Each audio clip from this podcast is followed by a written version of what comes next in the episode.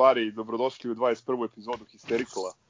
Malo nam ponestaju ideje ove, za ove podcaste u doba karantina, ali nadamo se da će i ovo danas da bude e, zanimljivo za slušanje. Malo će više biti košarke nego inače na Lemijevo oduševljenje, ali eto, Vili imaš reč. Pa, pre svega pozdravim ovaj grobariju koja je na ivici živaca. Ovaj, valjda će ovaj sledeći, a možda i neće ni on biti ono poslednji dan karantina, pa da se raspustimo ko stoka i da napravimo haos po gradu. Ovaj, a, hoćemo da počnemo sa ovom a, mojom temom. Mislio sam da, da bi bila idealna ovako da kažem da se malo, da se malo prisetimo svih ludorije koje je nama naš klub priredio najviše u smislu marketinga, ali ko zna gde će da nas priča odvede ovaj, e, to su ono bizarne maskote koje postoje u, ovaj, u našem klubu, pa ćemo sad da se prisetimo nekih. Ovaj, naravno, ono, što se kaže, broj 1 je e, famozni e, revitalizovani Čempi, to jest Čampi, kako je njegov, njegovo pravo ime. Ovaj, mene dan danas zanima pod jedan koji je car smislio Znači, onog pajdova sa ginger kosom. da bude zvanična maskota FK Partizan. Ajde, Dule, molim te, da li si saznao ko je to smislio i molim te ispričaj kako smo mi došli do Čampija ovaj, kao glavnog antagoniste svih naših nekih fanzina i tako dalje. I šta je radio dok je to smislio? Pa ovako, ovaj, kad si da, nam dao domaći za, za ovu futbolsku, futbolsku uslovno rečeno temu za podcast, malo sam pogledao dokumentaciju i našao sam u časopisu samo Partizan broj 2 e, priču na predposlednjoj stranici pod naslovom Naš čempi, gde je otprilike dat e, njegov kratak CV. Ove, ako nemate ništa protiv, pročitaću vam to, pošto je to praktično početak priče o Riđem Lutku sa alopecijom. Kaže ovako, čempi maskota futbolskog kluba Partizan pojavio se prvi put 14. septembra 2000. godine. Eto, to mu je, to mu je rođendan puni 20 ovaj, ove godine. Kada se igrala utakmica Partizan Porto 1-1. Čempi je stvoren pre dve godine u studiju holding kompanije Partizan. Prva ideja Čempi je potekla od Slavka Drljače, nekadašnjeg Partizanovog golmana, a danas generalnog direktora holding kompanije Partizan. Ideju je realizovao Ivan Jefsić, rukovodilac profit centra Crno-Belog butika, a u tome je sarađivao kreativni tim holding kompanije Partizan. Tri tačke. to, e, to, to, to bi se, moglo bi se, mozgova, bre. moglo bi se nazvati zajednički zločinački poduhvat. Znači, nije, Slavko nije. Drljača... udruženi, udruženi zločinački poduhvat, bre. Ajde pa, dalje. Baš niste fair, ovaj. Uh, e sad, ovo je ključni, ovo je ključni paragraf uh, koji on objašnjava šta je bila ideja. Uh, Zamišljeno je da Čempi u buduće zameni tradicionalnog Deda Mraza, prvenstveno zbog neadekvatne boje njegovog kostima. Naš, če, naš Čempi će umesto Deda Mraza... Pa ko će da grli natka je? Čekaj! Naš, samo malo. znači ima još. Naš Čempi će umesto Deda Mraza deliti poklone dobroj deci u nastupajućem e, 21. veku, tako da će mali grobari u veku koji će pripasti njima primati poklone iz pravih ruku a u Happy Mealu Partizana nalazit će se milione slatkih malih čempija u crno-bele čokolade. Delimo ti Happy Monday, samo ketiće da deli, brat. Znači, ne može pa džem... ketiće, nego ketiće, brat. Znači, Čempi deli ket ono sa ganom, ganom uh, iglom, brate, ili muntusom, brate. Ne?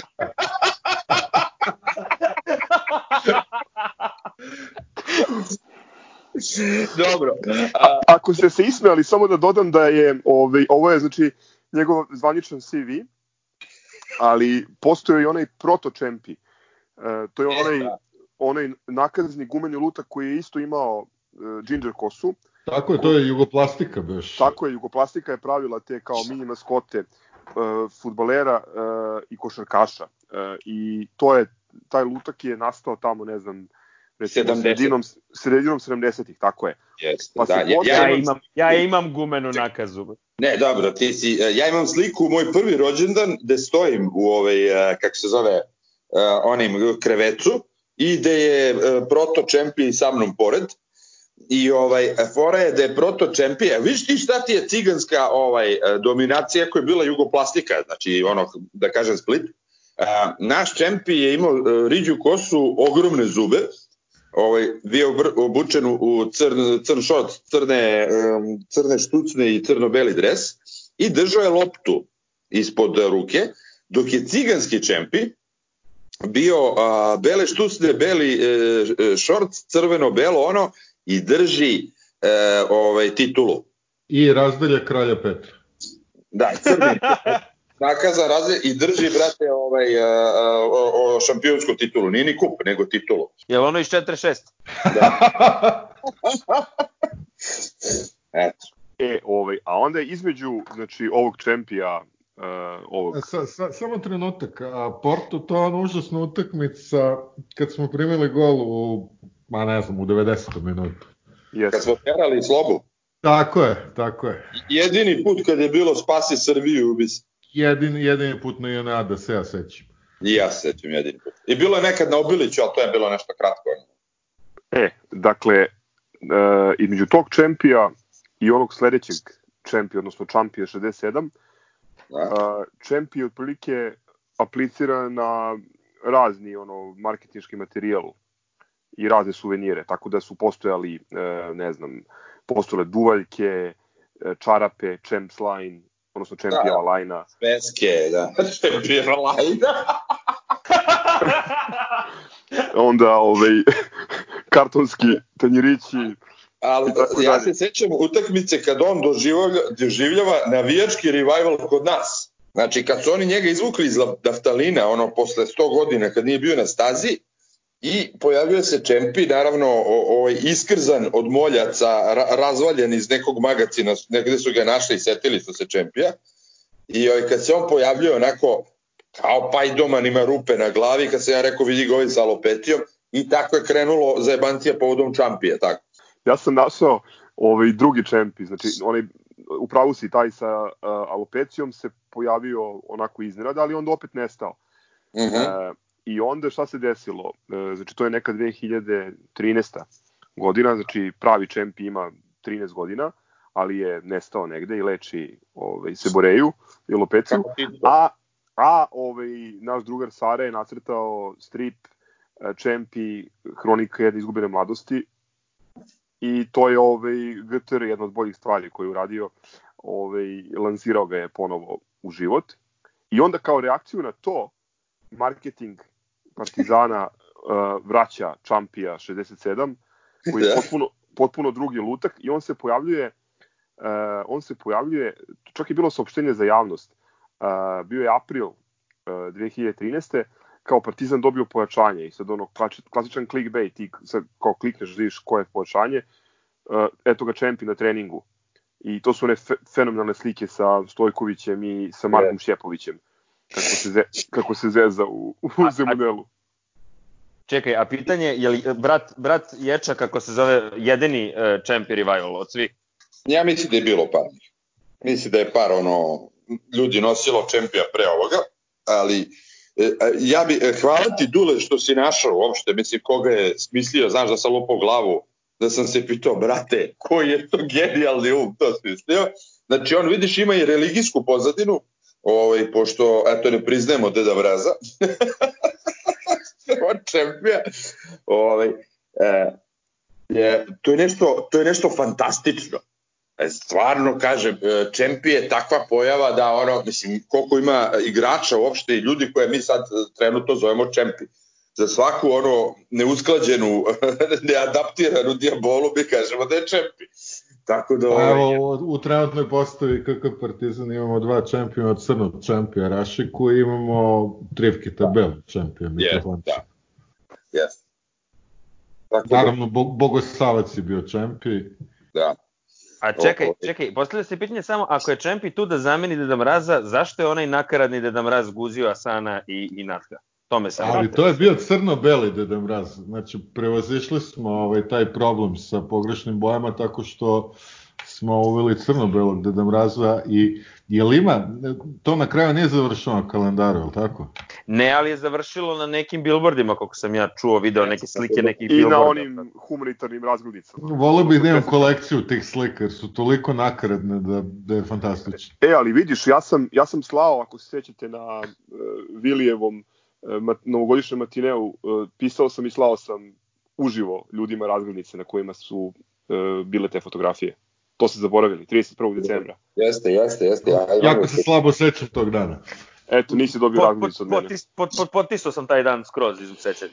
Ja mislim da smo napravili grešku, jednostavno, napravili ste grešku jer ste previše ušli u analizu uh, i povezivanje sad neke marketinške ideje, eto, s kraja 90-ih, uh, s ovim što se dešava danas. Mislim da ovi ljudi koji sad rukovodi čempijem, ni ne znaju za celu ideju za Mrazom. Ne, ti stvarno misliš da smo analizirali, brate? Edukat, edukativni deo Partizan Hystericala, nek slušaju. Fantastični čempi. E, Dobro. Ali, sad bez zezanja, ako mogu samo da kažem dve rečenice, ono, polu ozbiljno ili ozbiljno. A, ovako, znači, to sa čempijem je krenulo očigledno kao pokušaj marketinške službe da simulira praksu koja postoji u nekim ono velikim ili sad da kažem u većini velikih stranih klubova i da ima tu klubsku maskotu koju će deca da obožavaju. Međutim, to je u startu doživelo potpuni fijasko, a mislim da je bilo i malo nepotrebno, pošto kad odeš na JNA, toliko ima tih autentičnih nekomercijalnih ikona, ovaj, da stvarno nema potrebe sad izmišljati još jedno.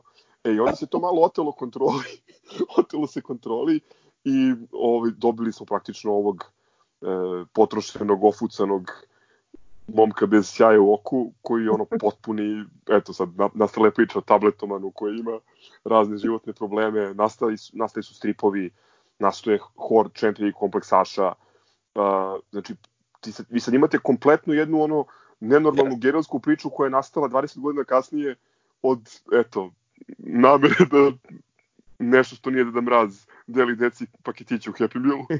Veliki pozdrav za gospodina Slavka Drljaču. Znači, ne znam šta bih rekao. Dakle, Čempi se otrga u kontroli. Dobro. E, posle ko dolazi? Super, Super fun krava. ja, imam, ja imam fotografiju sa Super fun kravom, molim da uđe u zapisnik. Ja sam se slikao sa Super fun kravom. I kao klinac od tada, koliko, ne znam, koliko sam ga imao godina, klinac. Izvini, izvini, ja radim sa Superfund kravom. Dobro, to je autentična Superfund krava današnjice i naš soundchecker, tako da to Ajde, je druga stvar. Ajde, samo da objasnim ovima mlađima koji se ne sećaju Superfund e, krave. e, to je krava, a, to nije, misli krava, nije krava, to je neki gnu ili neki buffalo evropski ili ja ne znam ni kako se zove ta životinja. Ovaj, Zeleni vo zelene boje, ovaj, koja je kao bila simpatična, ovaj, našeg sponzora 2003. Super funda, nekog obskurnog fonda austrijskog, za koga i dan danas ne znamo kako je došao da bude sponsor, zašto je došao da bude sponsor, to su verovatno neke zekine kombinacije bile u to vreme. Uglavnom, isto ta, ta pojava, nije se on puno puta ni pojavljivo u stvari. On je ono kao Jeti, znaš, ko, sećaju ga se neki, on čak nije ni bio na utakmicama Lige šampiona, on je bio na nekim utakmicama pre toga. Pa da, ne može zato što je centralizovani marketing, pa ne može, razumeš to, ali... Je. Ali, ovaj, a, sećam se da se pojavio, a pa da, u stvari, ja mislim da se on prvi put i pojavio na onoj čuvenoj utakmici e, protiv Koma, kad smo slavili e, ulazak u Ligu šampiona. Ovaj, kad se srušila, kad se srušila Bina. Srušila Bina, Bina cela ta proslava je bila bizarna, samo razmislite. Znači, oni su... To postavili... bio orto... Izvini, izvini, Vili, ako se neko seća, to, to bio Orthodox Celt trebalo da sviraju. Ne, ne, ne, zato ne. to je najsmešnije. Oni su postavili binu kod severa, kod severa, da. muzičku, da. ozbiljnu, nadrkanu binu, ovaj, gde je trebala da svira neka riba violinu. Jedna riba da svira violinu, Možda su oni imali planira neki uh, ono program... Mislim da su Kelts bili u priči. Bre. Moguće. Uglavnom, riba dolazi, vrši probu, vamo tamo kreće utakmica. Da su oni hteli na kraju utakmice ili, ili u poluvremenu, ne znam. Uglavnom, uh, počinje uh, tsunami, počinje tornado, ovaj, E, sećam se, svi smo ostali kao ovaj, mi smo tad bili ono na istoku kao front, svi smo ostali... Kutije lete da svuda. Počelo je sve da se lomi i bina se ruši na severu, to je, to je bilo, mislim, što bi rekli, tako grobarski. Ceo taj, fa... e, i tu sam prvi put video vola zelenog, kad smo se pitali, brate, jel nas pukao neki flashback od nekog tripa LCD ili šta je, mislim, ko je ovo nakaza. Tako da, ovaj, eto, to, mislim, super fund krava je opet, naravno, uz čempija se šlepovala i ušla u te neke navijačke, fanzinaške anale. Ovaj, to je bilo mnogo dobro, mislim, zaista. Možda, možda super fund krava zapostavljeno je na drugom mestu, ovaj, mada kad razmisliš malo čempije, čempije, mislim, realno. Ipak čempije. Htio sam da kažem da je problem sa Superfun kravom što se premalo pojavljivala i što osim one kultne fotografije sa Terivo Vestom nema puno ovaj materijala na koje se ona nalazi. Ja sam pokušao da nađem e, nešto, ovaj, ti si bili pomenuo taj bizarni link sa, sa Austrijom, ali nisam, nisam uspeo da, da pronađem kojim kanalima je, je Superfund krava završila na atletskoj stazi na JNA ajde na, da se nadamo da će neko slušalac iz Austrije, pošto sigurno je neka ta varijanta, neko je znao nekoga ko navija za Partizan, ko radi u, u tom Superfundu. Inače, jedina ono referenca koja postoji je a, činjenica da je ista ta kompanija a, te iste 2003. godine, pet godina bila e, sponsor sa sve naming rights a, ovaj, pravima, znači a, futbolskog kluba Pašing. A, I oni su igrali kao, oni su se zvali u tom periodu FC Superfund i čak su igrali Intertoto kup i kup UEFA, uh, mislim dva puta po tim imenom. Da, da, baš. Da, da, ove, oni su, oni su i u to vreme su se izvali Superfund. Eto, to je ono jedina stvar koju imamo. Ništa, eto, molba samo ako ima neko od slušalaca iz Austrije neku ideju kako je došlo. U kojoj tački kosmosa su se poklopili Partizan, Zeleni vo i investicioni fond iz Austrije. Eto, vol, volio bih da saznam. Dobro. E, posle toga ide uh, e, Artur i Jogudići. Da. Treći, da. treći, treći ne, član svetog trojstva a, idiotskog Sigurno da je on išao ili je išao Artu Ditu Beloje? Ne, ne, Jogodići pa Artu Dito, ja mislim. Dobro, Jogodići. Jogud e, reklama. Oh. A Imlek je bio sponsor. Tako. Da, hodajući tetrapak, da. hodajući tetrapak u helankama. Jogurt sa višnjom i ne znam šta je bio drugi, za borovnice ili tako nešto. Znam da je Ćale čito reklamu i vrišto od smeha, to se sećam. Strašno, dobro. Ja sam dobro, pokušao to... tačno da, da se setim. Ja mislim da je, da, da je on debitovao, odnosno da je cupkao tamo oko igrača na proslavi E, na proslavi titule. Jeste sigurno. 2005. ja mislim. E, sezona 100%. 2000, upravo su, 2005. Da, moguće, moguće, da. Jer mislim da ima kapa dresovi sa sa Imlek Imlek reklamom, to je bilo 100% tako. I, i ima fenomenalna fotografija, ne, negde sam je video, ovaj i Fani Mehara i Dubješić sa Jogudom. Pri čemu mislim da mu nisu dobro namestili oči, tako da osoba koja unutra ne vidi najbolje od tumarama. Kakav da. bizar! Jogud je fantastičan. Koliko je puta bio Jogud? Pa bio je dosta, više puta je bio on. Sećam se, ono, jedno vreme je bio konstantno. Jogud je imao, da, Jogud je imao i one, one uh, fantastične trenutke na poluvremenu, nekog trčanja po terenu, pa pa ga ovi radnici poliju vodom, pa to, znači, ono, ne, ne očekuju ga to. Sećate to, trčao, trčao po atletskom središtu, pa onda nešto trčao po terenu su trčali, pa su se jurili nešto s loptom, a što Dule kaže nema, nemaju oči pa ne vide, pa to je bio, to je komedija. Kako, mene samo interesuje kako ljudima iz marketinga padaju takve stvari na pamet. I kako e, to animira bilo kako?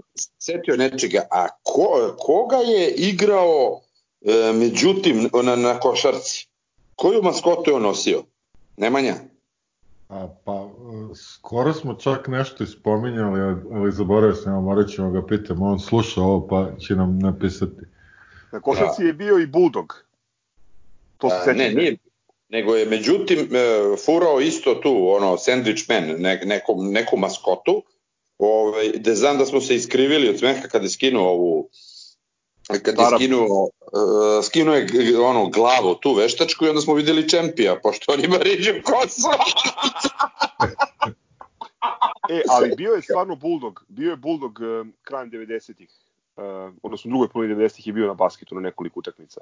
Ne, ovo su, ovo su 2000. A ovo je kasnije, da.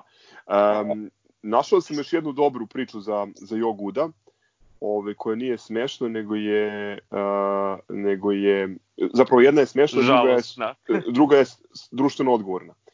Znači, hoćete prvo smešnu ili društveno odgovornu priču? Društveno odgovornu prvo. Društveno odgovorna je uh, da je septembra uh, septembra 2000, pa peta bi to moralo da bude, uh, Jogud don, da, da su skupili neki novac i da su donirali voćni jogurt deci iz prihvatilišta u Beogradu. To je kao bila aktivacija na, na stadionu. A e, ova bizarna je, e, našao sam kako su se zvali, zvala ona, ona dva jogurta koje su ripala na, na ovaj, naciskoj stazi. Jogurt Exotic Duo. I mlekovo drugi je letnje osveženje. I mlekovo letnje osveženje. E, drugi višnja?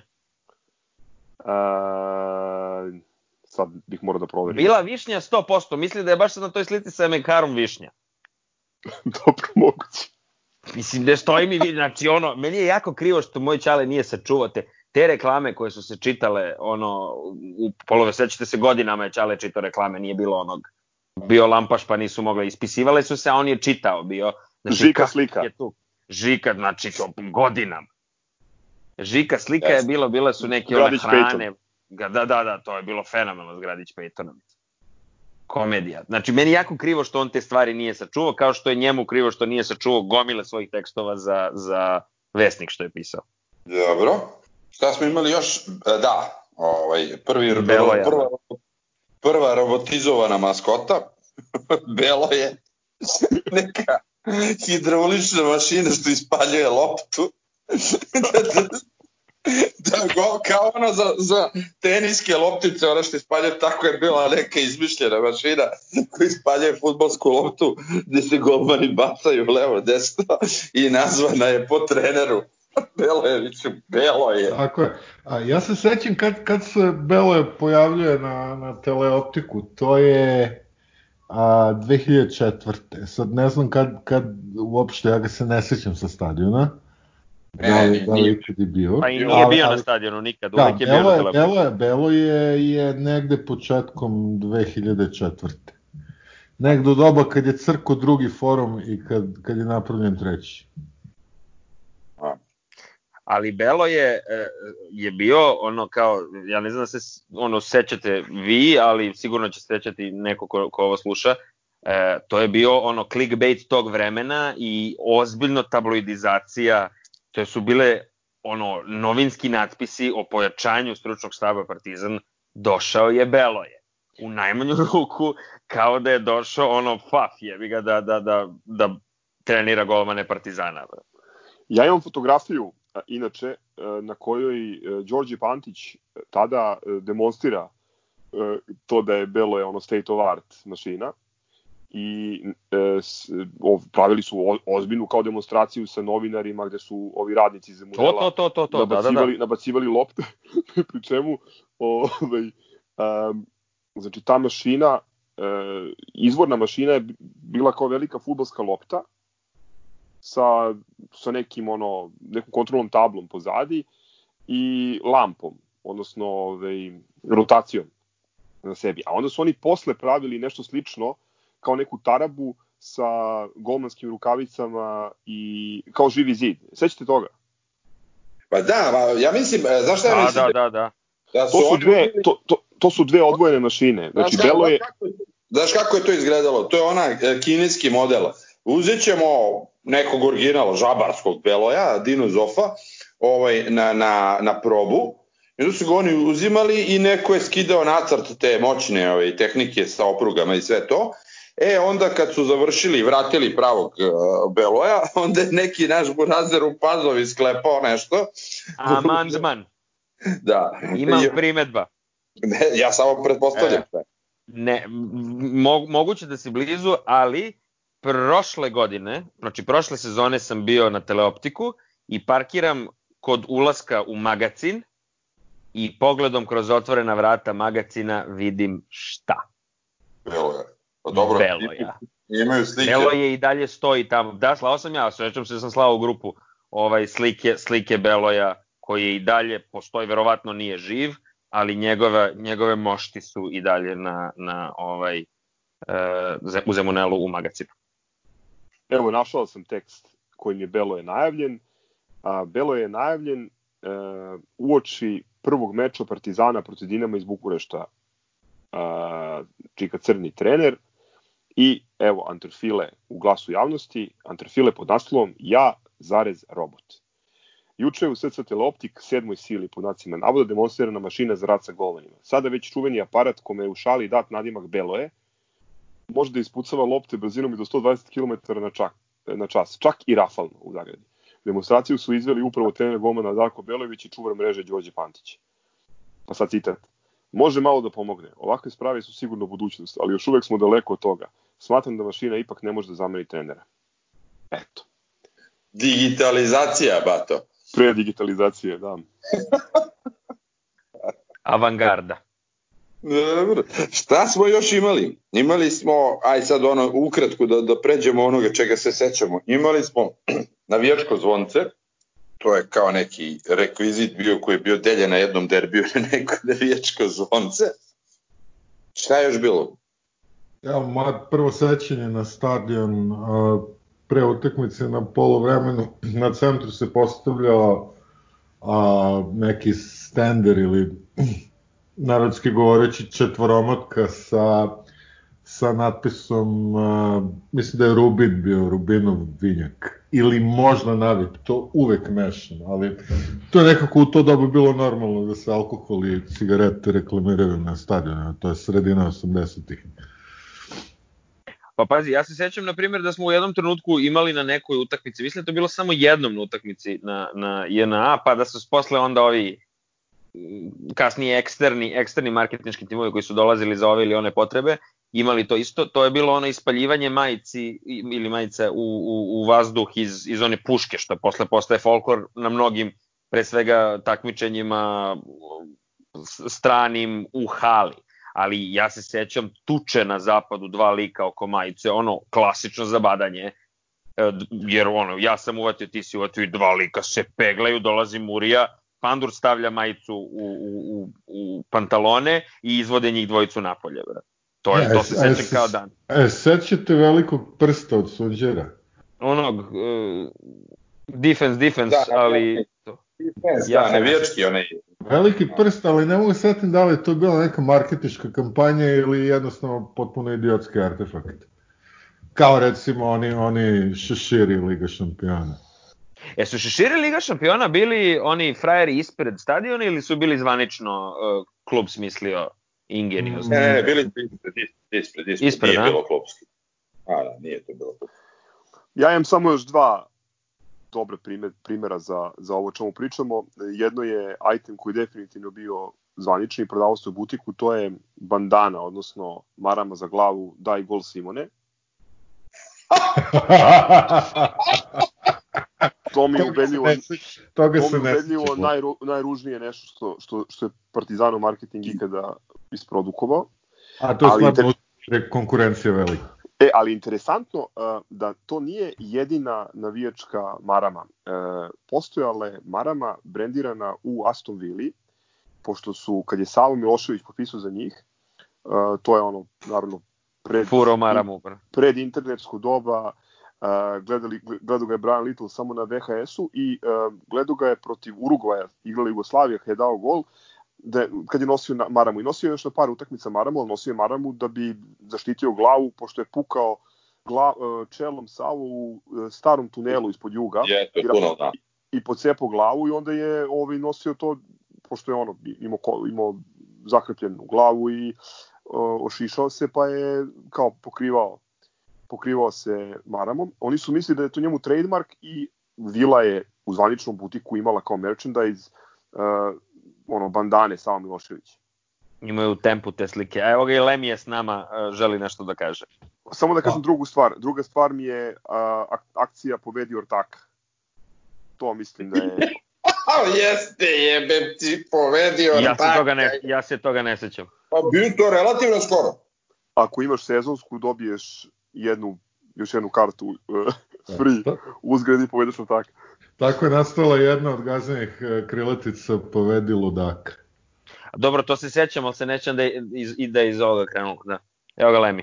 Ja bih dodao na, na taj spisak, pošto ovaj, e, malo smo izašli iz tih of, oficijalnih maskota, ali kad je već Gaza pomenuo ovaj, te marame i šalove daj gol Simone, ja bih ovaj, ja bih vas podsjetio i na one majice Mali đavo Ljaja i El Bombardero Partizano Ali kako ja sam se da ti kažem to El Brazilero Bombardiero Bombardiero de Brazilero kako god beše i Moreira i to. Ali te majice i dan danas vidiš te majice su um, ma kako bile možda čak i ružne, jedna od boljih stvari i, i svakako primenjenijih stvari koji dan danas ljudi nose. Te majice su se ozbiljno rasprodale. Jeste, jeste, to, što je najgore, to je tačno. Ali bilo je Ali, tužno pazi, da su, osim, osim Žuke, uh, i Morire koji su potpuno opravdano dobili brendirane sadržaje. Dobio Viktor Ugo. Dobio je Viktor Ugo koji je možda najgori futbaler koji je Ne, al Fazon je Zapravo nije futbaler, najgori da. čovek koji se pojavio u dresu Partizana. Što su oni u butiku izbacili te majice pre nego što je i kod njih zaigrao. To je bio Fazon. Mm, sad to već bi trebalo proveriti. Ja mislim da nisi. Mislim jeste, da jeste. mislim A, jeste. Jeste, te jeste, sezone jeste, kad oni potpisali, izbacili su sve tri majice. Ja mislim ali, ali, da ja se sećam, te majice imaju dobar kroj, brate. Te su imali ono sužene rukave, to su jedine majice koje nisu imale one rukave, znaš ono gaćaste, vrećaste iz, iz, od džaka pravljene. To je bilo krojeno, to je bilo skroz, skroz super.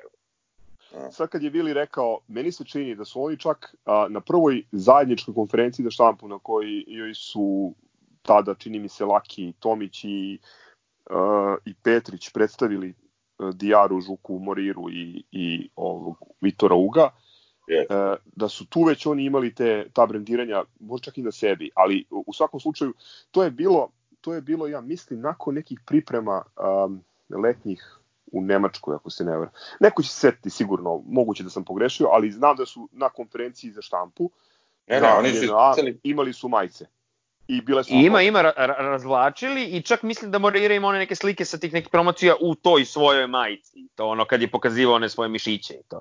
Siguran sam da su oni izbacili te majice kad su oni potpisali, a ne pre nego što su kročili na teren. Tako da, ajde. Paži, a, ali ima, ima jedna stvar, a kad već se do, dotačenjimo majici i svega, tu ima ona činjenica da, e, sam, iako si srećan zbog činjenice da si osvojio neku titulu ili neki kup, avansno sam uvek bio u depresiji jer znam da će izaći nova majica u kojima će izaći da igrači da, da prime medalje i trofej koje će sigurno biti nakaradnije od one prethodne nakaradne koju koja je već nasledila onu, onu tamo nakaradnu majicu, jer ja ne znam, ja ne znam za sve ove godine koliko, koliko ja pratim Partizan i uzimamo titule, znači pogotovo to ono od, od uh, SR Jugoslavije pa dalje, E, ja ne znam da smo imali, imali smo jednu jedinu neku dobru majicu, to je na primjer neka 20 i, i neka titula, o, crna majica bilo, ovo ostalo sve neki užas, užas, ja ne znam ko uspeva da napravi nakaradniju majicu od one prethodne.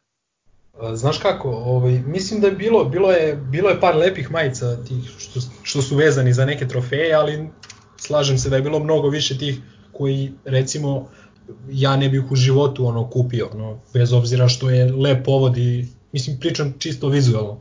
Ovaj, ali, da, da, vizualno pričam. Ali baš evo recimo sad ovaj, najsvežiji primer, KK Shop je izbacio uh, majice ove, za osvajanje kupa u Nišu.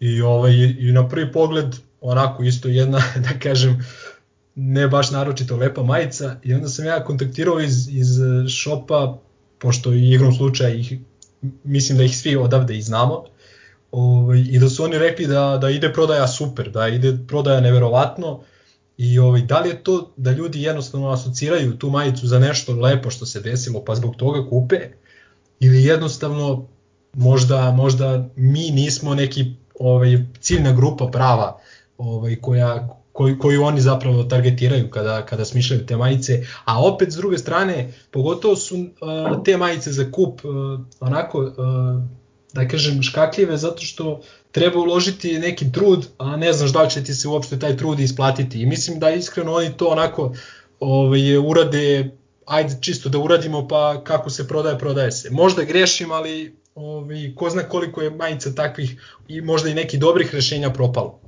Pa pazi, ali onda onda imaš i opciju gde možeš da ne ideš na letnje i zimske pripreme, jer možda se desi da ne uzmeš titulu takođe, pa zašto da bacaš pare na pripreme? Ne, ne, ne, ne, ne, ne, ne, ne, ne, ne, ali Kažem, Razumem kažem... što hoćeš da kažeš, ali mislim ono ako praviš, onda napraviš. Samo 50% navijačkih majica. Pa to je, to je da uzmeš da se valjaš od smeha i kakvi su sve, neću da ulazim ko je ko, ovaj, kakvi su sve tu, ono, da kažem, njihovi simboli. I pa, to je tačno. Ovde, se me, ovde se meša nekoliko stvari. Prvo, kod osvajanja kupa Mile u pravu, u ograničenoj seriji, odnosno za igrača i slučni štab se pravi nešto što će možda biti jednom nošeno, a možda ni jednom. I to mogu da razumem. Uh, napraviš nešto u ograničenoj seriji, pa posle možeš da razmišljaš kreativnije i da praviš nešto ukoliko uzmeš trofej što je za, za, za šire mase. Druga stvar, mislim da definitivno ljudi se sentimentalno vezuju za događaja, ne za ono što je na, na samoj majici i da zbog toga ovaj, se, se, se klub previše tu ne, ne, ne udubljuje i ne investira. I konačno ono što sam teo da kažem da ipak mislim da treba biti realan i reći da je u poslednjih, ne znam, 10 godina, možda nešto malo više, ipak napravljen veliki iskorak i, i sada postoji mogućnost ukoliko želiš da kupiš nekome poklon ili ukoliko želiš, ukoliko želiš da nosiš neku majicu koja je uh, ne iz kategorije stadionska nego ono majica za grad, da stvarno postoji ozbiljan, ozbiljan izbor. Uh, iz koga Slažem može da se, da se probere nešto. Samo što moraš da imaš sreće da, da, da shop radi u danima kad ti to želiš pa, da kupiš. Ne govorim to. samo o shopu, govorim i o, i o jačem da krajeva, mislim, postoji, mislim, postoji sada toliko različitih modela i mislim da je to, to je jedan segment marketinga gde je napravljen najveći iskorak. Ako govorimo i samo o zvaničnim klubskim majicama, znači odeš u, u Partizanov butik futbalski i stvarno imaš ono, 3-4 majice koje su, koje su okej. Okay Slažem se i, i futbalski i košarkaški klub imaju korektne šopove, ovaj, kažem korektne u, u, u, za neke uslove ove naše ovde i ovaj, pogotovo košarkaški čini mi se ovaj, da većina, većina ovaj, stvari se radi jako kvalitetno i ne radi se samo da bi se dodvorilo ne znam, navijačima, ovaj, nego zaista, zaista mi se čini da, da se to radi zaista sa nekim uh, stilom i ukusom. Ovaj, a isto i u futbolskom šopu ima, ima zaista par stvari i majice i nekih trenerki, duk, dukserica koje onako zaista su lepe. Ovaj, tako da čisto da ne ispadne da samo kritikujemo, ovaj, nije, meni bar to nije cilj, a verujem ni vama, ovaj, tako da imate, što se tiče nas, imate ovaj, savet da, da, odete, da odete u šopove, uvek ima nešto da se izabere. Ali i ruku na srce, ovaj, kad putujete negde pa kupujete suvenire i poklone ljudima, viđali ste a, kako izgledaju a, šopovi najjačih evropskih klubova i tamo su uglavnom sranje stvari. Mislim, ono, kažem sranje u smislu bez ikakve ideje i totalne budalaštine. Ne treba očekivati neku pretaranu kreativnost. Uvek postoji opcija da posebno sada nije to više neka velika mudrost ni izazov da svako može da nacrta ili i dizajnira na kompjuteru i da napravi sam sebi majicu, to je Tako ovaj, je. To je ono akcija koja košta 400 dinara, tako da to je možda i naj Jel, jel želimo da idemo, jel želimo sad sad da idemo u još ovaj uh, marketinških akcija, pre svega futbolskog kluba Partizan koji su doživjeli totalni fijasko ili ćemo to ostaviti za neki drugi put? Pa mislim da smo sve rekli, eventualno ono, da pomenjali smo par puta, ona i Tesla, Real Madrid. Tesla app, na primjer, to To, ja ne znam ni da zamislim šta su, kako su reagovali u Real Madridu. Ja, sam, ja, ja bih jako volao da sam bio ono muva Zunzara govnara koja je uletela na Santiago Bernabeu i gled, samo da sam iz te perspektive mogao da posmatram prezentaciju Tesla epa ovaj, Partizan Tesla epa na, na stadionu Santiago da. Bernabeu. A prezentaciju drži Snežana Borija. Predivno, predivno. Ili imaš devojku ti? Ne. Pa šta čekaš? Pa ne znam. Mogu samo još nešto da kažem o ABA ligi. Ništa, prelazimo na košarkaški teren, a tu kao i, i prošli put ima nekih dešavanja i aktualnosti za razliku od futbolskog. A, prvi i možda onako najznačajniji, dobro, nije baš najznačajniji, ali značajan u smislu uh, toga šta će bude zapravo sa ovom uh, sezonom, jes, jesu vesti iz Barcelone, uh, gde su klubovi koji su ovaj, članovi ULEBA i rukovodstvo Uleba je donelo odluku da, da je 24. maj neki deadline što se tiče odluke šta će bude sa Euroligom i Eurokupom za ovu sezonu. Dakle, 24. maja će gospodin Bartomeu sa svojom svitom da sedne i da vidi kakva su moguća rešenja, koje su opcije, da li će ova sezona da, uopšte da biti nastavljena i da li će biti završena. A, U slučaju da odluče da se sezona nastavi i da se završi na terenu, plan je sledeći. 29. maja do 11. juna igrači bi bili u karantinu, ukoliko je on u tom trenutku potreban. Od 12. juna do 2. jula timovi bi imali uh, trening kampove, dakle imali bi taj neki prozor od 3 nedelje da vrate igrače u kakvu takvu formu. Od 4. jula do 17. jula to je ono što nas zanima, bilo bi igrano, bile bi igrane utakmice Evrokupa u jednom gradu, u istoj dvorani, pred praznim tribinama. Što se tiče Evrolige, to je od 4. do 26. jula. Isto je značajno da Evrokup, ukoliko se bude nastavljao, prvenstveni je plan da se nastavi u istom formatu kakav je trebao da bude. Dakle, da se i četvrt finale i polufinale i finale igra na dve ovaj, dobijene utakmice. E sad, pošto sami znamo da, da je pitanje koliko je realno uopšte i da se igra, a kamoli da se igra i veći broj utakmica, ostavljena je ta mogućnost da bude organizovan Final 8. Gde će to da se igra, gde će biti organizovano, veliko je pitanje. Partizan je odmah sutradan aplicirao, sad da li zvanično ili nezvanično, nisam siguran, ali Partizan jeste aplicirao da bude kao grad Beograd domaćin tog e, završnog turnira, da li, kažem, play-offa ili Final 8 ostaje da se vidi. Da li će to biti na kraju usvojeno, kako, kako će biti stanje e, pre svega u Beogradu, u Srbiji, a zatim i u zemljama ostalim, ostalih učesnika četvrtfinala, veliko je pitanje.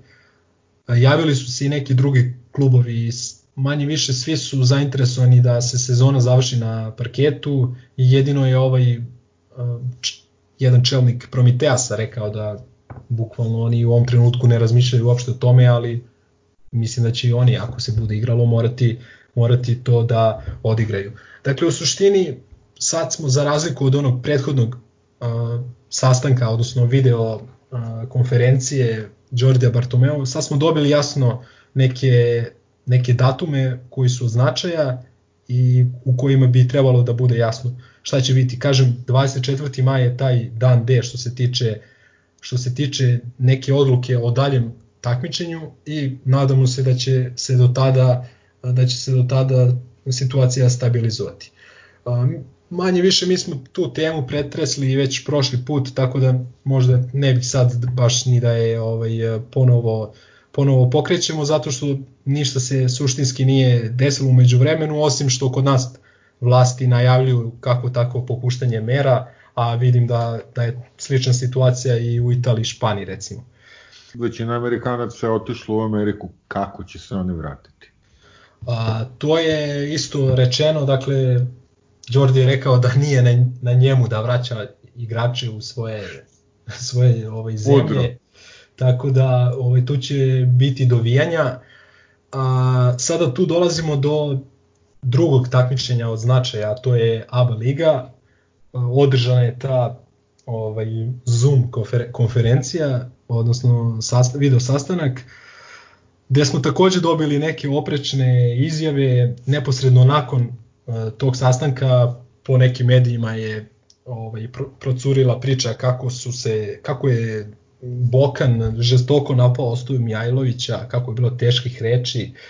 Na kraju čak i budućnost to demantovala saopštenjem. Ovaj, na kraju ispostavilo se da se ni tu nije ništa značajno ovaj, desilo niti odlučilo. Uh, s tim što ABA liga, po mom nekom mišljenju, ima još manje šanse da se nastavi u odnosu na Evrokup. Zato što ako se Evrokup i Evroliga stvarno nastave, recimo Cigani će biti zauzeti od 4. do 26. jula, a mi ćemo biti zauzeti, ako Bog dao, 4. do 17. jula. Kada će biti organizovana ABA liga, da li će to biti, da li će biti organizovana pre tih završnih e, turnira Evrokupa i Evrolige, čisto sumnjam. Da li će se organizovati nakon toga, dakle već u avgustu mesecu, isto sumnjam. Tako da ja uopšte nisam optimista da će se ABA liga završiti na parketu. Kako će se ona završiti uh, za zelenim stolom, to ostaje da se vidi. Uh, očigledno je da, da, da bi mi bili nadglasani u toj nekoj opciji odlučivanja, to je rekao čak i Bokan da, da kaže da, da mu je logičnije da ovaj, da Cigani igraju Euroligu sledeće godine, odnosno da se sve poništi nego da, da igra Partizan. A, Miško Ražnjatović je tu leteo i rekao da su mnogi igrači ovaj, iz ovih klubova koji se bore za, za ovaj, sam vrh, da su pojedini igrači već potpisali ugovore sa ovaj, drugim klubovima dakle iz Evrope i da oni stupaju na snagu čini mi se 1. jula. Tako da on sa te neke menadžerske strane ne vidi i pravne strane ne vidi mogućnost kada bi, kako bi ti igrači zaigrali za, za ekipe čiji su trenutno članovi. Ovaj, isto, nakon, osim tih uh, tekstova o Bokanovom napadu na Partizan i na Ostoju Mijajlovića, pojavili su se i tekstovi uh, kako Andrea Trinkieri ra razmišlja da aktivira klauzulu, klauzulu koju ima u ugovoru i da 20.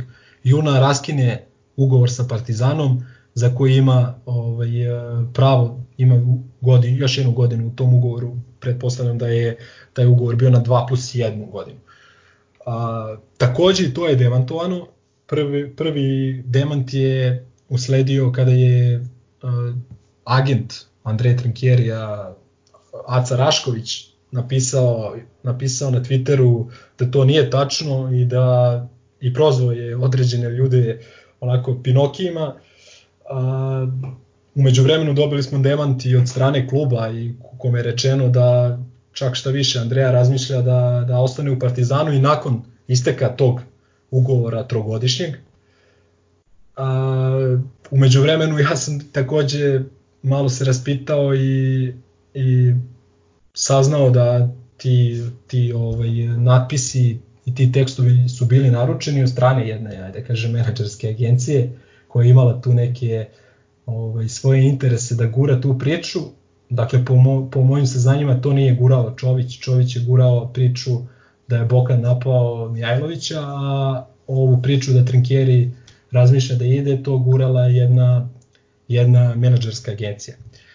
A, I dolazimo do treće stvari koja je možda i najlepša, definitivno je najlepša, to je novi ugovor za Radeta Zagorca. Ovaj, novi dvogodišnji ugovor njemu je čini mi se da li sada na letu istica ovaj prethodni. E, Rade Zagorac je igrač koji je imao i uspone i padova za ovo kratko vreme što u Partizanu, ali definitivno mislim da se svi slažemo da je to momak koji ima veliki potencijal, koji ima ulogu u pojedinim važnim pobjedama ove sezone. Setimo se ukradene lopte i koše u Bolonji za pobedu za Radeta znamo da je veliki partizanovac i da mu je drago što je tu, ovaj, što je tu gde jeste. Setimo se i onog nastupa na Areni Sport ovaj, u emisiji u Obruču gde je onako jako lepo pričao o Partizanu kada nije bio član Partizana.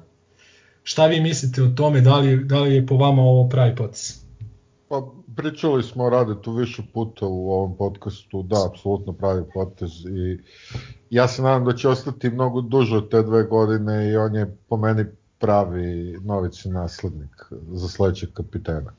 Ja ne bih stvarno sada u ovoj postavi Partizana e, ne bi mogao da, da izdvojim bilo koga za koga bi želeo da ode. Znači, bukvalno, ono, čak i Birče. Znaš, o njima pričamo jednostavno, meni je ova ekipa... Nikola ovaj, Janković možda. Ma nije, što i oni meni, mislim, nikog, ne. ja nikog. Meni ovaj, bi svi da, ostali, ja bih ovo... Ova ekipa je uradila ovaj, e, nešto uh, toliko veliko, nismo ni svesni, samo nažalost još uvijek nije stigla ni do jednog trofeja sem kupa, ali ovaj, samo se setite pre godinu dana gde smo bili. Godinu i po. Mislim, ono, Zadar, arena, ništa više da ne pomenjem. Eto, tako da ovaj, zaista e, e, presrećan sam, ako je potpisao, volo bi e, da se mi obezbedimo i sa Jaramazom i sa ovim e, e, liftom i je potpisao. Da, dobro, da kažem da se obezbedimo ovaj, sa, sa, sa njih četvoricom, pa ostali više manje, nek, nek se rotiraju ako moraju, ali bi stvarno volao da svi ostanu, zaista. Pa ne, samo hoću da kažem da ovaj, je za mene rade sa svim tim svojim igračkim nesavršenostima ono, partizan u pravom smislu.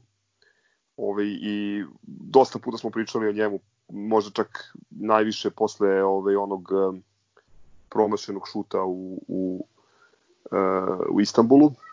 Ovaj, mislim da je on dečko koji osim te izvanredne inteligencije i, i, i nesumnjive neke posvećenosti Partizanu, ovaj, da zaslužuje zaslužuje mnogo veću podršku među, među navijačima i mislim, slažem se s vama da je on verovatno posle Novicinog odlaska da je on ovaj, model za iduće kapitena.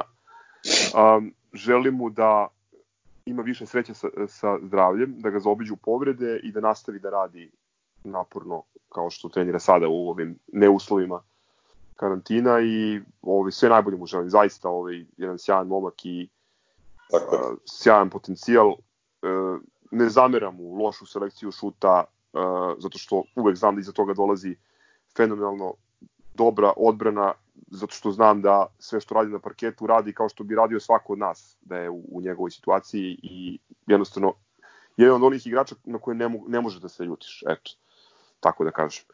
Ove, ovaj, I eto, nadam se da će da će uspeti uz, uz Trinkierija da, da, da razvije te neke kvalitete koje ima i dalje, da će ga zaobići povrede i, i da ćemo se radovati zajedno. Što se tiče Zagorca, on po meni ima možda i najviše u rezervi. Ovaj, e, mislim da ne pruža iskreno ni deo onoga što realno može i zašto je sposoban. Iz tog razloga me raduje ovo produženje ugovora. Druga stvar koja se onako zanemaruje, on je 95. godište, ja mislim, znači on ima 25 godina. I on, on bi trebalo da sada u narednih, da mu naredne 2-3 godine budu neki igrački, da kažem, zenit. Ovaj, e, tako da mislim da je ovo produženje ugovora prava stvar iz, iz gomile nekih uh, uglova posmatranja. Pre svega domaći igrač, uh, talentovan domaći igrač, a zatim i domaći igrač u najboljim igračkim godinama, to je jako teško naći. Ok, možda se malo promeni. Izvini, i, i, izvini samo, i domaći igrač u najboljim igračkim godinama koji osjeća Partizan, što je jako bitno. Tako, da, da, Grobarčina, jako, jako to, to da. je jako bitna stvar. Da, a što se tiče Jaramaza, on ima ugovor za narednu sezonu, a, tako da bi trebalo možda razmišljati o eventualnoj produženju ugovora ovaj, e, za i dalj period posle toga. E, što se tiče Markusa Pejđa, recimo, dobijamo informacije da klub pokušava da, da produži ugovor sa njim, njemu ističe, nažalost, ugovor na kraju ove sezone. E sada, tu je problem zato što je on stvarno igrama, igrama ove sezone je skrenuo pažnju zaista brojnim klubovima evroligaškim. E, ti njegovi procenti sada da ne pričam, da ne davim ljude, ali to je to su procenti elitnih šutera, najboljih šutera, to su blizu 90% za, za sa bacanja, blizu ima nešto manji procenat za 2, ali zato za 3 ima 43 4%. To je jednostavno to kad vidi a, bilo koji generalni menadžer ili trener u Evropi u današnje vreme kada je šut za 3 poena tako bitan, ono, bukvalno krene mu voda na usta. Tako da mislim da Page može da praktično će imati ovaj, nekoliko opcija jako dobrih i iskreno pesimista sam da li, će tu, da li ćemo tu uspeti da, da, da, ga, da ga ostavimo. Mislim da će veliku ulogu igrati uh, i činjenica da li ćemo učestvovati u Euroligi ili Evrokupu naredne sezone, jer ipak, ipak je to, ta Euroliga je neki dodatni magnet za igrače. Ovo, I možda i veći Dobro, ali, od, od čak samo, od para. Samo nemoj da zaboraviš uh, drastičan pad financija uh, u evropskoj košarci.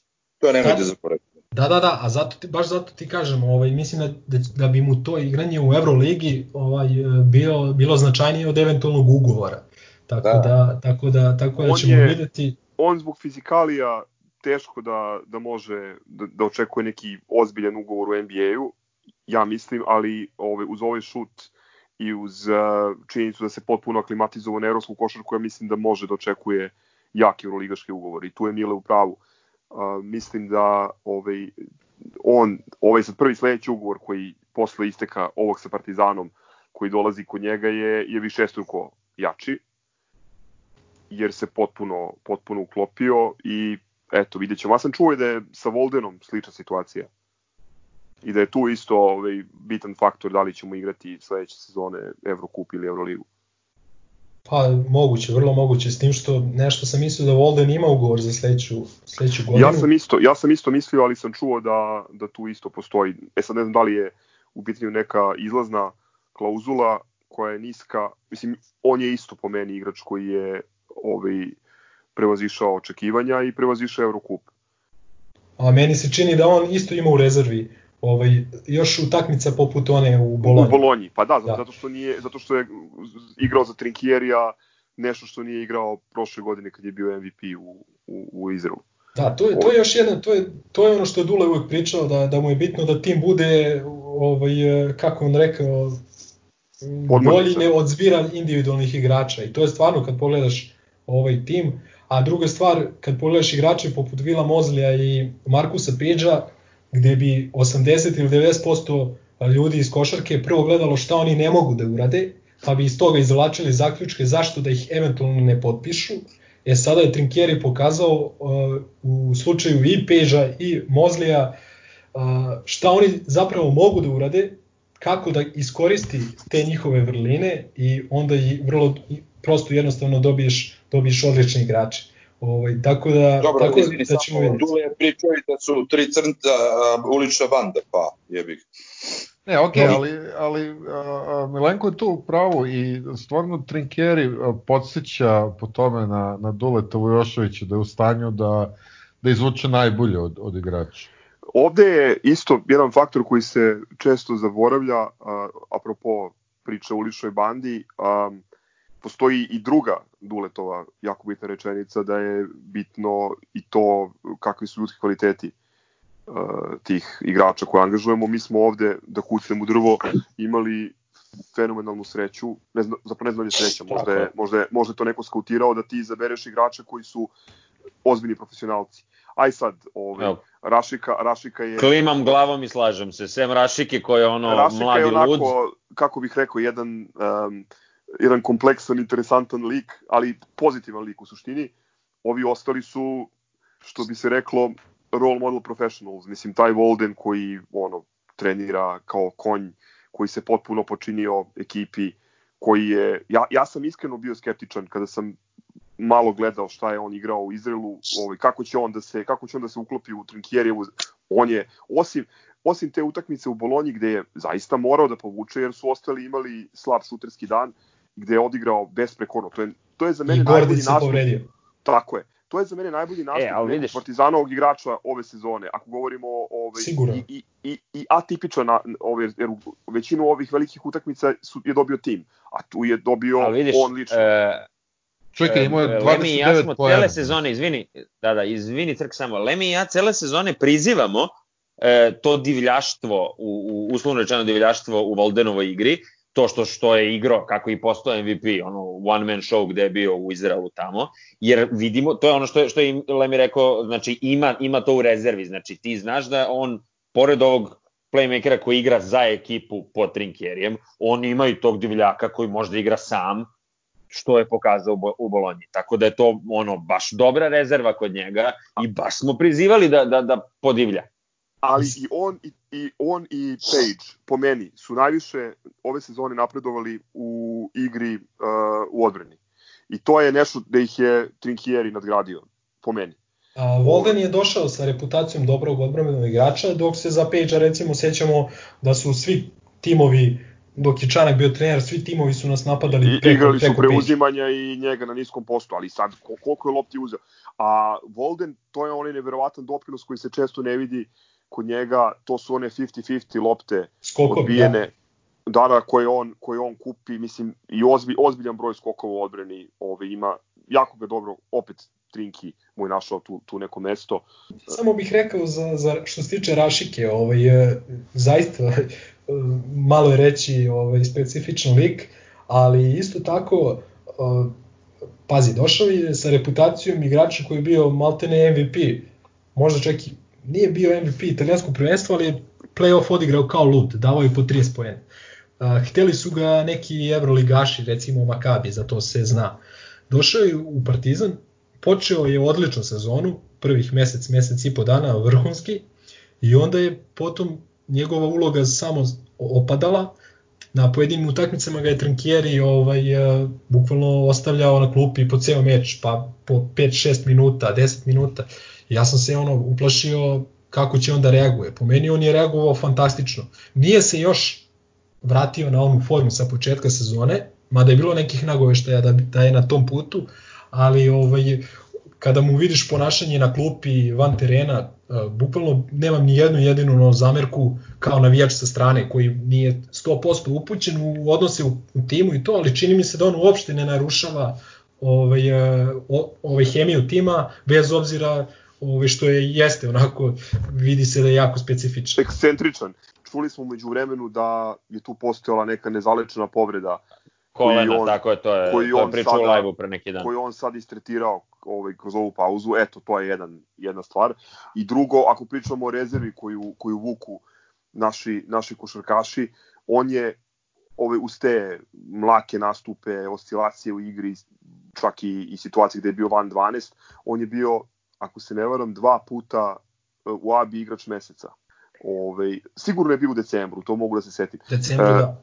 Tako da mislim da i kod njega postoji e, pre svega ofanzivno ozbiljna, ozbiljna rezerva. Ti si spomenuo te njegove na, playoff nastupe za Sasari. To je ono što, što, nama daje, što nama daje dodatnu snagu, to što ti e, ovaj Partizan u situaciji u kojoj 7 do 8 igrača ofanzivno ima uh, sličan učinak, ti ne znaš, jako je teško to braniti, ti ne znaš na koje strane će da krene da sipa. I... Ma ja ne znam kako nas neko skautira uopšte. Pa to jeste problem. Jedino može da nas dobije kao dačka na, na ozbiljnu tuču koju sudiju, sudije prime ili na neki neverovatno divlji, divlji šut, ali uh, kad imaš te, teško igrati sa, uh, sa Partizanom, sa ovim Partizanom na, na to, 80 koševa, ja mislim. Jer mi ćemo Znate, da odbranimo nešto, a imaš puno igrača koji će da pogode. Znate koji utisak ne mogu cele sezone da ono izbijem iz glave? A to je da je uh, odlična baza ovo jako dobre atmosfere koju vidimo u ekipi. To se baš vidi da košarkaški klub ima super atmosferu u ekipi. Jako dobra baza za to je bio onaj futbalski derbi na kom su bili e, gde on, imaš one one storije e, Rašikine gde divlja, gde, gde su ono po, povučeni jako dobrim rezultatom i ludilom na stadionu, oni osetili gde su došli, pogotovo ti novi igrači. Ti nemaš sad da pričaš novici i rade tu, ali tim ono strancima pre svega ubacuju se ih u jako lepu mašinu i ne mogu da se otmem utisku da je to bila jedna fantastična baza za sve što će se posle dešavati Jeste. i što se zove odlična hemija u ekipi. Pa vidi, jako, e, jako... ja mislim da cela ta atmosfera, izvini samo na manje, e, ta, cela ta atmosfera ima ime i prezime, to je Andrea Trinkieri. Znači, ovaj, e, to ti je najveće bukvalno pojačanje E, bojim se da bi kod bilo kog drugog trenera, ajde, neću Duleta da, da spominjem, ovaj, ali da to ne bi bilo to. Jednostavno, taj čovek, koliko god sam ja bio skeptičan kad je on dolazio do duše, ja naravno ne pratim nešto basket, ali ono, zalizani žabar slatkorečivi koji ume da podilazi i sve to, ovaj, jednostavno čovek je e, dokazao i pokazao, brate, E, zašto je toliko talentovan i cenjen e, u Evropi kao trener. I ja skidam kapu. Mislim, ja mislim da je to sve njegova zasluga, zaista samo njegova, ovaj, i naravno o, Novica. Da, ne, nemojte da zaboravite da... Tako je, tako je. Da, da je to to. Da.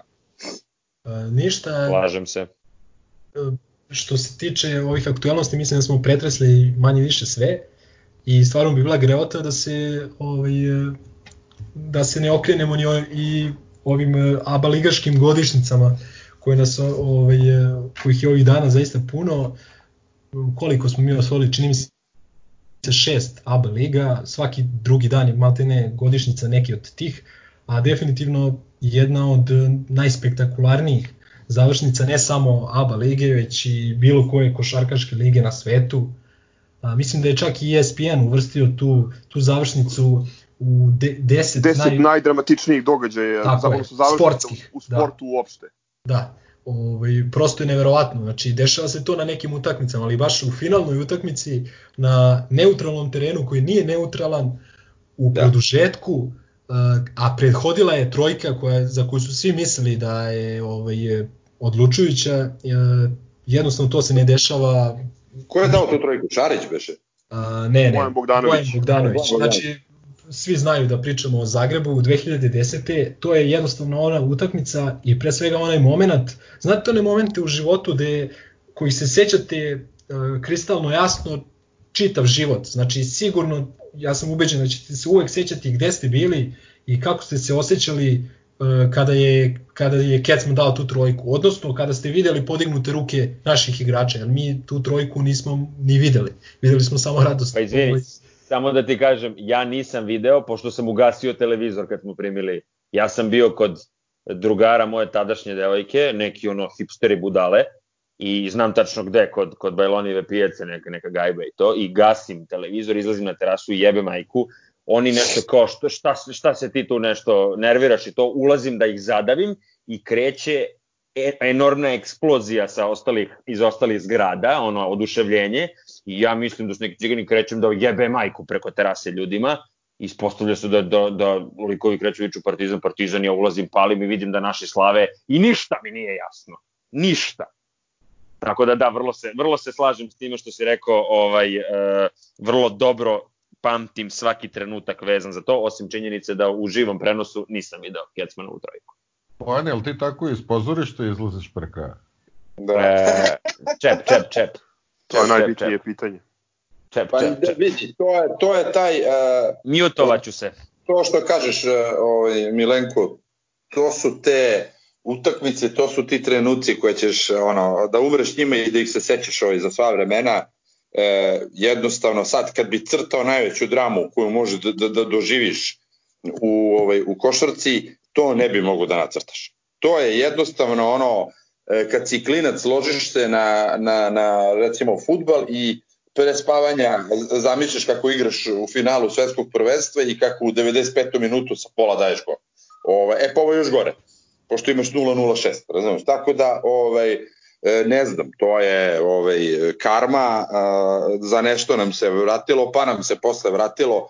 Mi smo takvi, mislim, kao i naše boje crno ili belo. Nema tu nikakav ono između nešto pa se tu desilo. Jednostavno imaš ili totalni down ili, ili totalnu euforiju. Jednostavno smo kolerični, ono da ne kažem... Uh, Histerični. Da. Samo bih Lepo da, si... dodam, da, da je video sa, sa krajem te utakmice bio na YouTube-u sa, mislim, jedan od snimaka sa fenomenalnim naslovom Celebration Fail. Vili je lepo nabo ovde uh, taj, taj opsek, tu, te amplitude emocije. Mislim, činjenica da su istog dana u rasponu od koliko, četiri godine se desili Kecman u Zagrebu i Nolan Smith u, u areni ovaj, to, to dovoljno govori o svemu. Ili da se posle, par nedelja posle Zagreba da se desio ovaj Josh Childress u, u, u Parizu. Da. A, to, je, to je zaista partizan i A i da, je, tako, to je, i da je dan posle Nolana Smitha bio koji će u golu. 146. derbi, tako je. To je to je Partizan. A dan posle, a dan posle, izvini, Childressa je bio Raća. Raća sa, da, auto, Raća sa autokomande to je, to je taj crno-beli univerzum koji je uvek u balansu.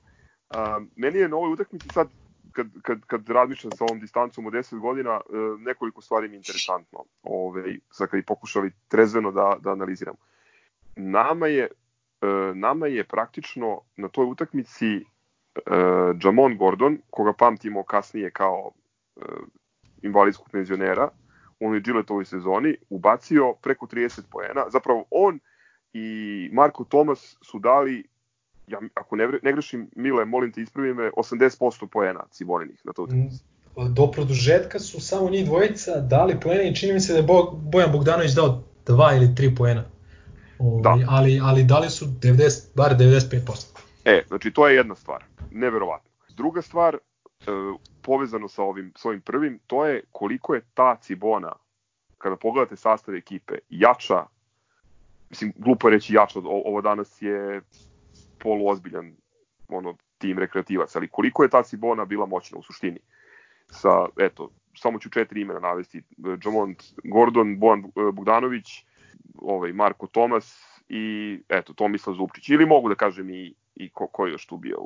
Bio Andrić, čini mi se. Lukša Andrić, bio, ja mislim, i Bagarić, e, bio je e, pa, pa verovatno je bio Kus, Rozić, bilo je tu dobrih igrača. Recimo Cibona je tad bila bar pet puta jača od one Cibone koja je osvojila ABA ligu u Beogradu, dakle, ovaj, da. 2000, koje je to, 15. godine, 14.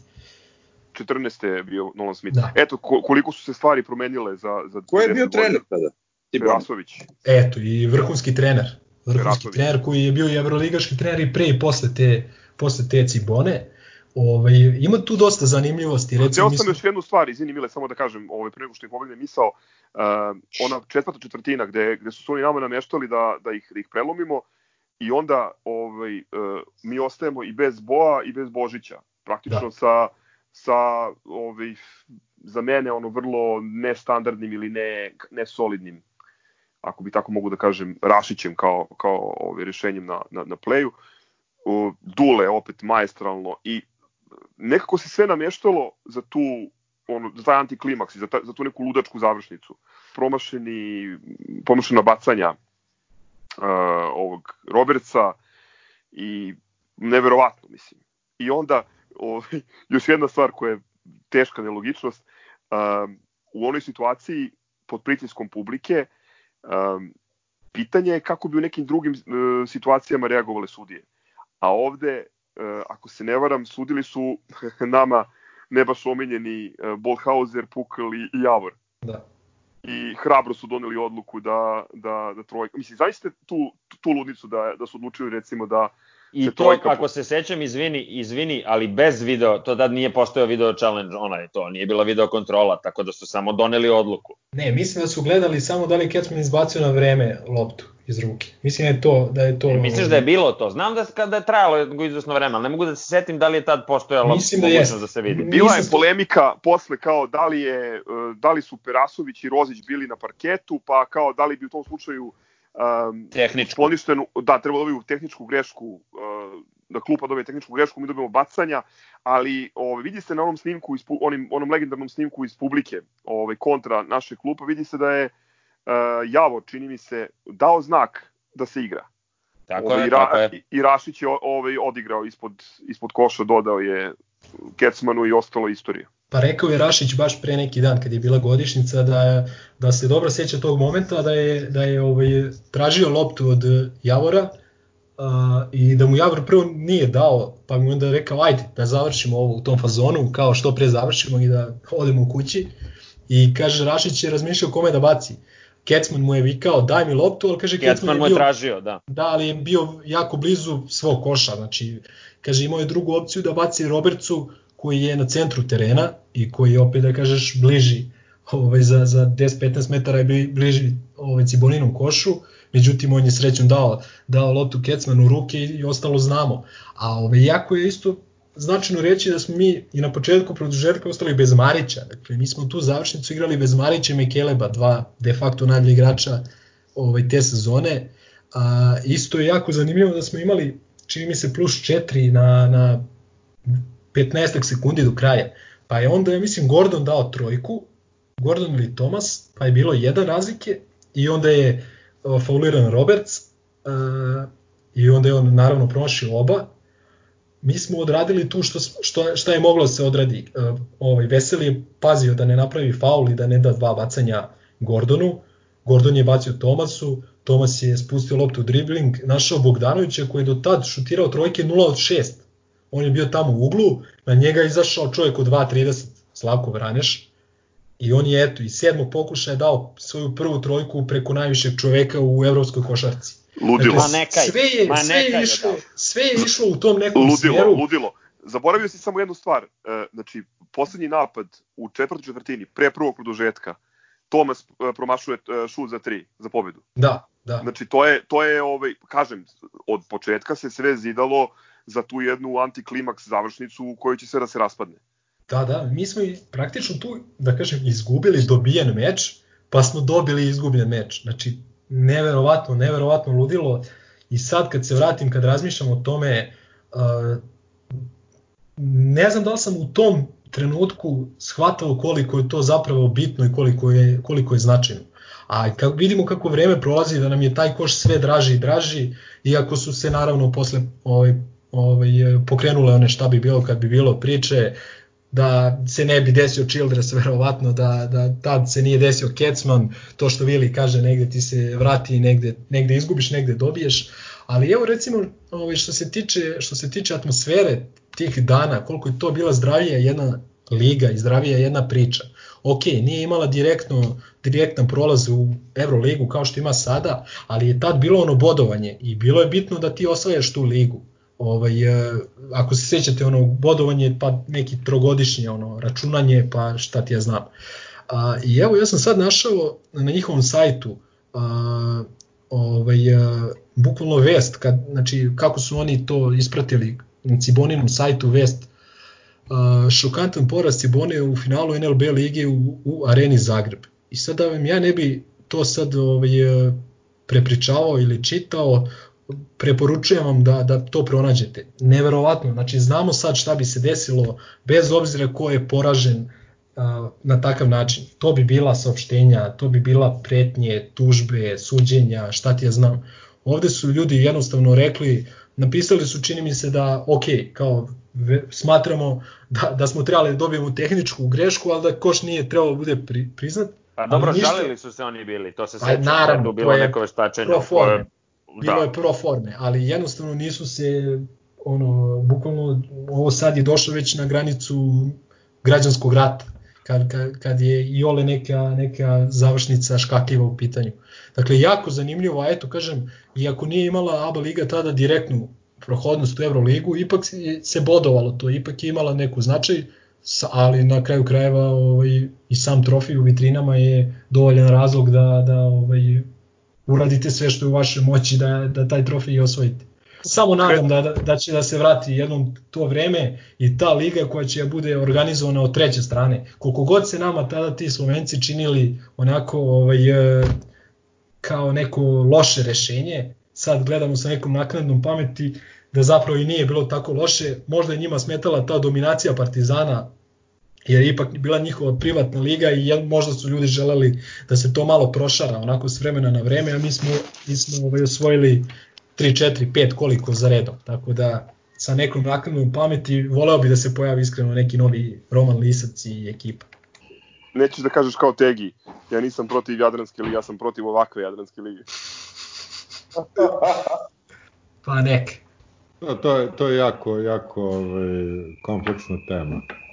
Prevazilazi ovaj, okvir ovoga podcasta. E, ja mislim da je ovaj podcast bio ono, za razliku od nekih, da je bio baš pozitivan. Hvala na pažnji, bio je ovo 21. hysterical, blago histeričan i haotičan, ali nadamo se da vam je bio zanimljiv, ako ne, tu su razni specijali koje smo snimali prošle nedelje, tako da uživajte i čujemo se, a nadamo se i vidimo uskoro. Pozdrav! Ajmo mi. Bravo. Zdravo, zdravo.